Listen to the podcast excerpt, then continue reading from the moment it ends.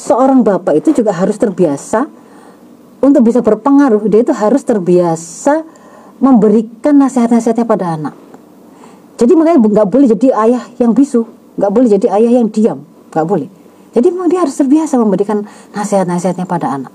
Ya nasihat itu kalau hari ini kayaknya anaknya itu tidak dengerin gitu ya. Mm-mm. Kayaknya nggak ngereken gitu. ya.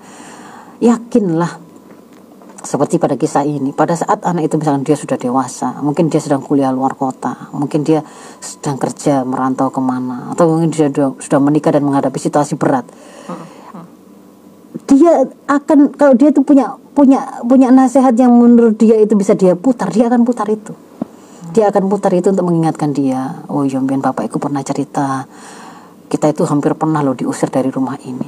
Ingat nggak waktu waktu ayah dulu itu kumpulkan kamu semua waktu kecil-kecil. Nah, ini ini misalnya contohnya ya.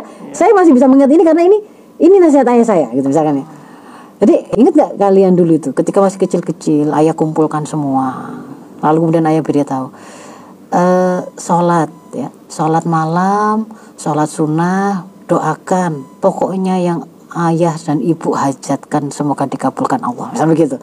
Kita tidak tahu waktu kecil itu pokoknya kita ingat dulu pernah ada begitu apa itu? Ternyata ketika besar diberitahu Iku sudah hampir saja kita itu udah di, sudah diusir dari rumah ini gitu. Misalnya begitu. Suatu saat misalkan anak yang dikasih nasihat kayak begini tadi suatu saat mungkin menghadapi situasi yang sama kemudian ingat. Gitu kan ya oh nasihat ayah saya dulu begini. Atau misalkan ketika apalah gitu itu bisa diputar gitu loh.